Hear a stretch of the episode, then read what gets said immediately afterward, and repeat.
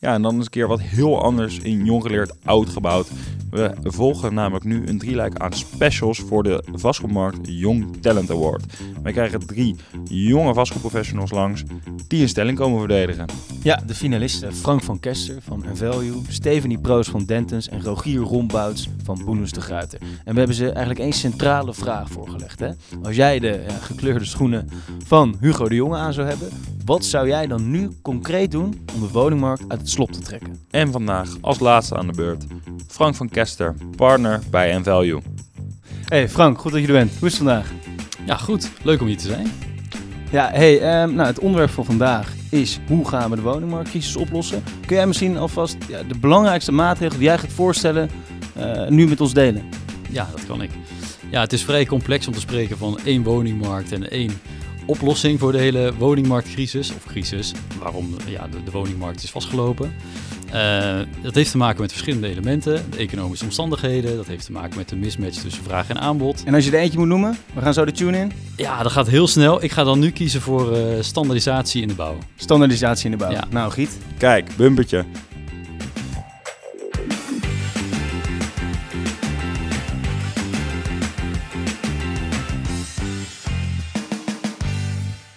Frank, welkom. Jij uh, werkt bij een zeer innovatieve taxateur, kunnen we wel zeggen? Ja, klopt. Drie jaar geleden zijn we gestart met het datagedreven taxatiekantoor en Value.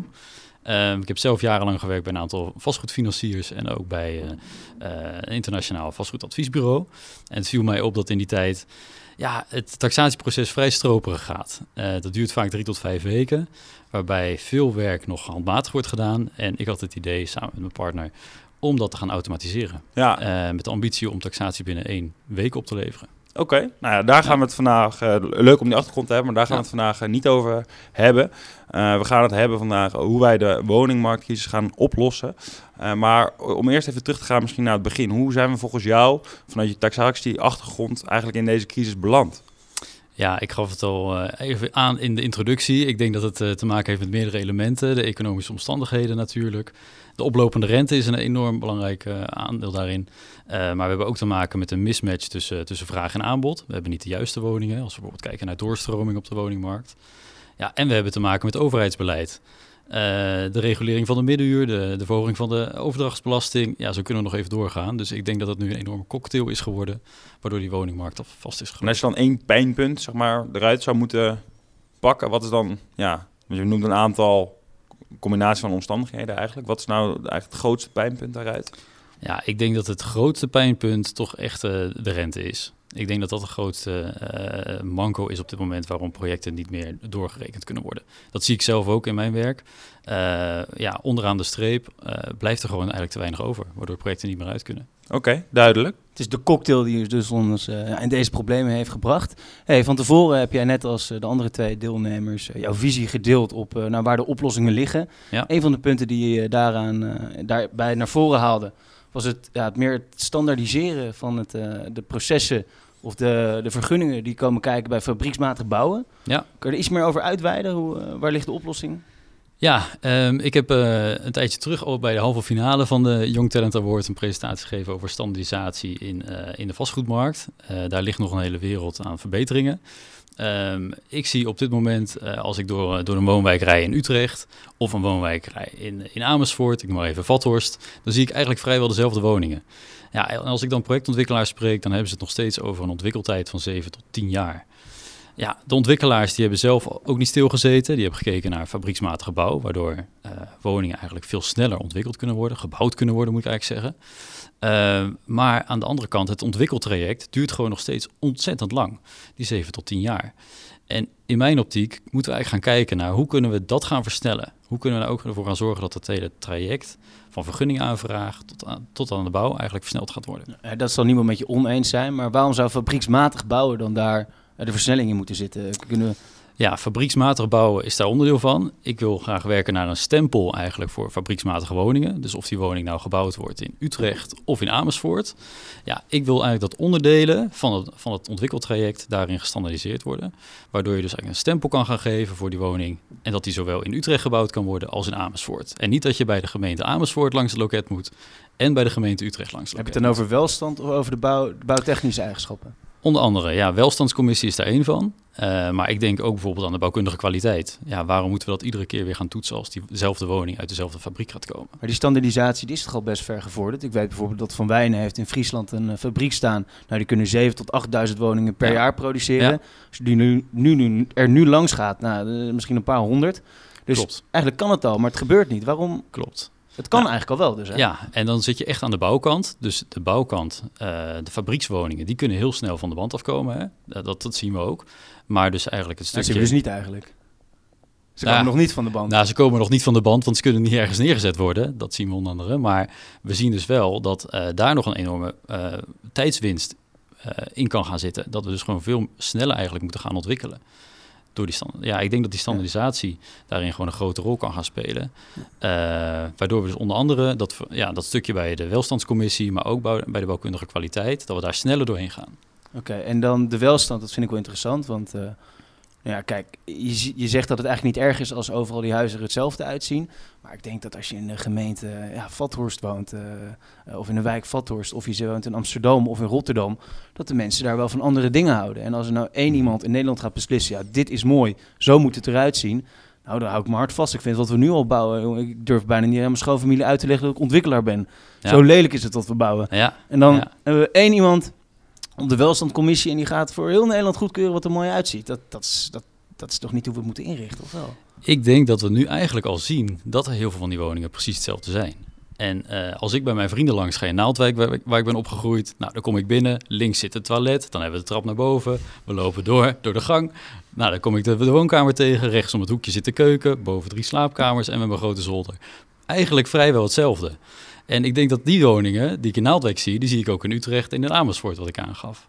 En ik denk dat die woningen ook onderdeel van kunnen zijn van het oplossen van de woningcrisis.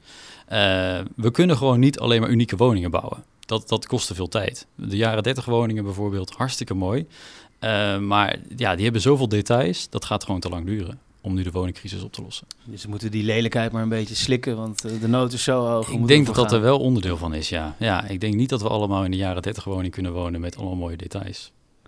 Ja, dat is toch pijnlijk om te horen, Guido? Ja. ja, vind ik wel. Ja, ik, ben, ik vraag me ook af, zeg maar, zit die, zit die pijn van dat vertragen nou ook daadwerkelijk dan bij welstand en dat soort dingen?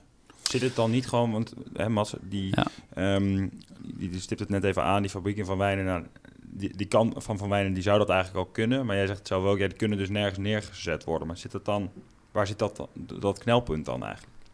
Ja, ik hoor vaak natuurlijk, uh, als ik de ontwikkelaars spreek, die leggen het vaak bij de gemeentes neer, bij de overheden, die eigenlijk aangeven van, nou, uh, het duurt te lang, het vergunningentraject. Ja, ik wil graag dat vergunningentraject uh, vereenvoudigen. En ik denk als we dat dan efficiënter gaan maken, dat we dus kunnen gaan versnellen. En dat we dan ook op een duur goedkoper kunnen gaan bouwen. Maar ook dat we de probeer kwaliteit dit eens te, te concretiseren dan. Dus oh, ik zie trouwens een interruptie hier komen van onze andere finalist, Rogier. Rogier, ga je gang. Ja, uh, Frank, ik heb even een vraag. Ik ben heel blij te horen dat jij uh, meer standaardisering in de vergunningsfase wil hebben. Uh, juich ik alleen maar toe. maar er zit natuurlijk in die fase ook een groot gedeelte emotie. Mensen meenemen. Hè, wat is mooi, wat is niet mooi. Daar hadden jullie het net ook al over. Um, hoe, hoe zie jij kansen om dat concreet te standaardiseren? Ja, dat is een mooie vraag. Uh, ik zie dit ook letterlijk bij mij in de straat op dit moment. Uh, ik woon in Utrecht, in een, in een uh, ja, wel dan een jaren 30 wijk. Maar nu is er aan de rand van mijn wijk wordt er, wordt, worden er plannen gemaakt om een nieuwbouw appartementencomplex te realiseren. En iedereen begint natuurlijk meteen op zijn achterste been te staan. Iedereen zegt, ja, not in my backyard. Dat vind ik niet fijn. Iedereen vindt wel dat we die woningen moeten gaan bouwen. Uh, er is een enorme vraag naar, maar vervolgens willen we het niet allemaal in onze achtertuin hebben. Ja, ik denk wel dat we daarin ja, nu wat zijn doorgeslagen naar uh, ja, het luisteren eigenlijk naar de bezwaren. Ik denk dat we daar toch wel ja, iets sneller mee om moeten gaan eigenlijk. Dat we dat, uh, dat traject moeten gaan versnellen. En wat houdt dat in? Dat... je hebt niet meer een zes weken bezwaartermijn, maar je moet binnen een weekje mailen? Of, uh, ja, en ik denk misschien dat inderdaad, maar ook gewoon de, de redelijkheid van bezwaren. Dat is denk ik ook een hele belangrijke. Oké, en hoe wie gaat het dan beoordelen? Redelijkheid van bezwaren? Ja, dat is natuurlijk de vraag. Ik ben ook zelf geen ontwikkelaar, dus ik kan niet overal een antwoord op geven. Ik heb niet uh, de, de, de glazen bol, noem ik het maar eventjes. Uh, wie dat gaat beoordelen. Ik heb vorige keer uh, met Stephanie een leuke discussie gehad over een taskforce. Ja, misschien moeten we ook zoiets gaan oprichten vanuit de gemeentes of vanuit de standaardisering. Dat daar dus ja, ook wel antwoorden op gaan komen. Um, ik denk dat ik wel een suggestie heb. Um, wat uh, recent uh, zelf heb meegemaakt in een ontwikkeling is dat er een proforma bezwaar werd ingediend. Dus een blanco bezwaar. Um, dat betekent dat het bezwaarprocedure van zes weken verlengd wordt met nog eens zes weken. waarbij de mensen zelf nog niet eens hadden aangegeven waar ze het bezwaar op gaan maken. Dus dat zou mooi zijn voor jouw standaardisatie om te zeggen, als je bezwaar maakt, dan ook meteen hè, vertellen waar het over gaat en wat ja. de inhoudelijke bezwaren zijn. Oké, we gaan even door naar, uh, naar je volgende argument die je hebt uh, aangedragen. Of in ieder geval volgende oplossing, oplossing. om het zo maar te zeggen. Helemaal goed. Um, nou, om hem even kort samen te vatten. Een oplossing die uh, zou kunnen zijn, um, is functievrij bouwen. Ja. Wij ja, vroegen ons af wat jij daar precies mee bedoelt. Ja, functievrij bouwen, dat zie ik meer als een oplossing voor de lange termijn. ik zou het functievrij bouwen verplicht willen stellen in binnenstedelijke gebieden. Uh, ik heb daar een heel mooi voorbeeld van, van een, een van onze opdrachtgevers, Reborn. Zij hebben een uh, functievrij bouw gerealiseerd in Den Haag. Wat is functievrij bouwen? Functievrij bouwen betekent eigenlijk dat een gebouw adaptief is aan de veranderende vraag. Op het moment dat de vraag verandert, dan zou het gebouw dus ook van functie kunnen veranderen. En ik noem dan even het concrete voorbeeld Walden in Den Haag. Qua, bestem sorry, qua bestemming of qua dat er een wandje door kan? Bestemming, maar ook objectmatig. Oké. Um, dus het is juridisch gezien uh, geschikt voor meerdere uh, functies, maar ook objectmatig gezien. Dus aan de voorkant vraagt dat wel een grotere investering, want het moet voldoen vervolgens aan uh, objectmatige eisen, bijvoorbeeld verschillende functies, voor zorg, voor wonen, voor shortstay, noem maar op. Maar daardoor is het wel veel meer toekomstbestendig. Um, dat zien wij nu ook bij dit project. dit project is nu gerealiseerd voor een shortstay-exploitant.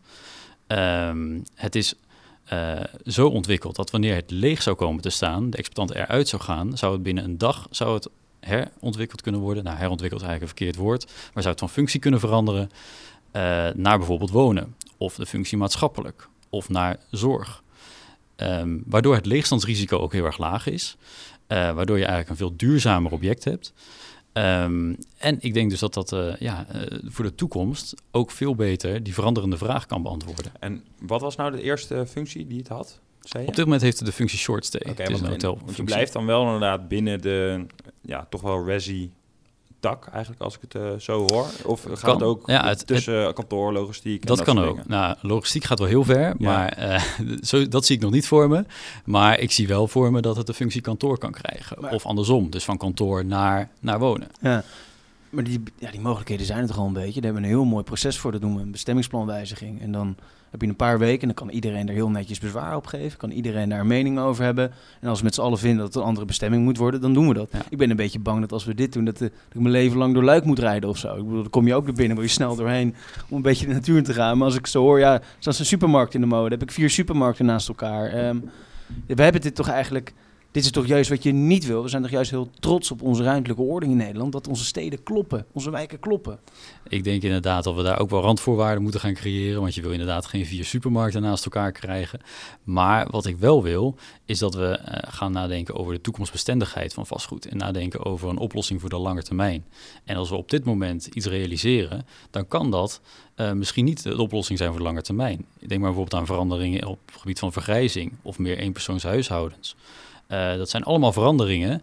Ja, als we daar jaren geleden rekening mee hadden gehouden, hadden we ook denk ik anders gebouwd. Hoe kan de stedenbouwkundige dan, die komt niet met een masterplan voor een, uh, voor een nieuwe wijk, bijvoorbeeld nou, Osdorp in Amsterdam. Dan zijn ze bezig met een heel nieuw uh, stadscentrum. En er wordt echt nagedacht over, op deze hoek moeten functies komen als werk, als kantoor. En hier moet horeca komen, want dit is een goede hoek daarvoor. Hier willen we duurdere woningen, hier willen we goedkopere woningen. Hier moet een stuk maatschappelijk. En op het moment dat ze een stedenbouwkundige allemaal functievrij moet geven, ja, dan moet de gemeente, die, die legt eigenlijk het lot in de handen van uh, ontwikkelaars. En elk ontwikkelaar, die, we kunnen wel zeggen dat we maatschappelijk uh, het doel hebben, dat hebben we ook. Maar iedereen wil geld verdienen. En iedereen die maakt dezelfde rekensom en die komt dus eigenlijk tot dezelfde functie.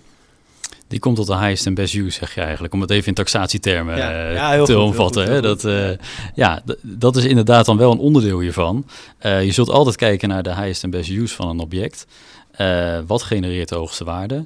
Uh, ik denk inderdaad wel dat we moeten gaan kijken naar randvoorwaarden. Dat we dus niet alleen maar hotels ontwikkelen of alleen maar wonen. We moeten kijken naar uh, een iets bredere invulling, denk ik, daarvan.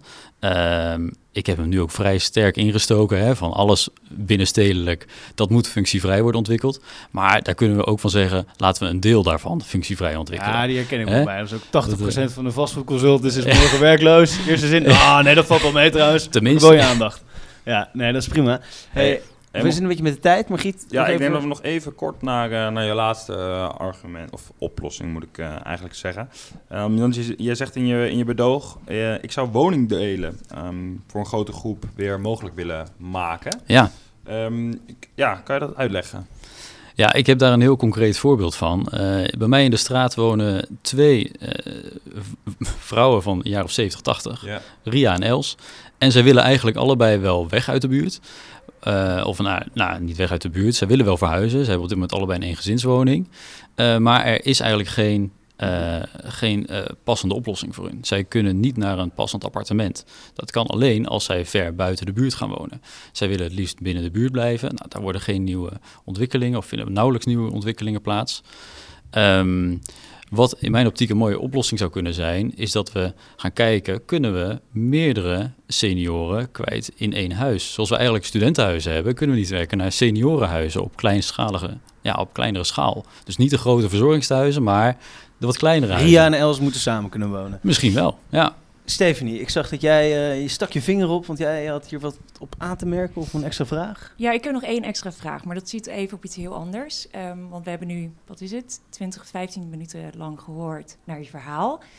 Maar wat mij opvalt is dat het heel erg in de bouwhoek zit. En we hebben nu een woningnood, dus we moeten nu wat doen. Niet over anderhalf jaar. Hoe gaat jouw verhaal daarin bijdragen, wat we nu kunnen doen? Ja, dat zit hem dus in die standaardisatie van de regelgeving. Kijk, als we nu kijken naar het gemiddelde ontwikkeltraject van 7 tot 10 jaar, uh, dan hadden we eigenlijk al die projecten, die hadden we nu al moeten opstarten. Eigenlijk hadden we al die projecten voor de komende 7 tot 10 jaar, tot 2030, als we 100.000 woningen per jaar moeten gaan bouwen, hadden we die allemaal in de pijplijn moeten hebben op dit moment. Ja, dat is nog niet het geval. We zien ook gewoon dat, uh, dat ze daarin vastlopen. We gaan die 100.000 op deze manier niet redden. Ja, ik denk dat dat het, uh, dat dat het antwoord moet zijn. Je schudt nee? Dat is niet helemaal het antwoord op mijn vraag, want dat is wat had kunnen zijn. Waar ik naar op zoek ben is, we zijn hier nu. De vraag is, uh, jij staat in de voetsporen van Hugo de Jonge. Wat ga je nu doen? Wat ga je nu veranderen? Want tuurlijk, we kunnen het standaardiseren, we kunnen de processen wat versnellen, bezwaartermijn iets omhoog of omlaag. Um, maar dan heb je nu een vergunning, kun je over anderhalf jaar woning opleveren. Daar hebben we nu denk ik niet zoveel aan. Wat gaan we er nu aan doen? Dat is meer mijn vraag.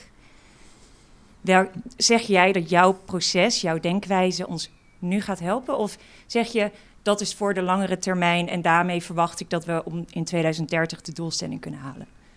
Ik denk dat, dat deze oplossing zeker bij gaat dragen aan de eh, dat deze oplossing zeker gaat bijdragen aan die 100.000 woningen per jaar. Uh, we willen er 900.000 bouwen tot 2030.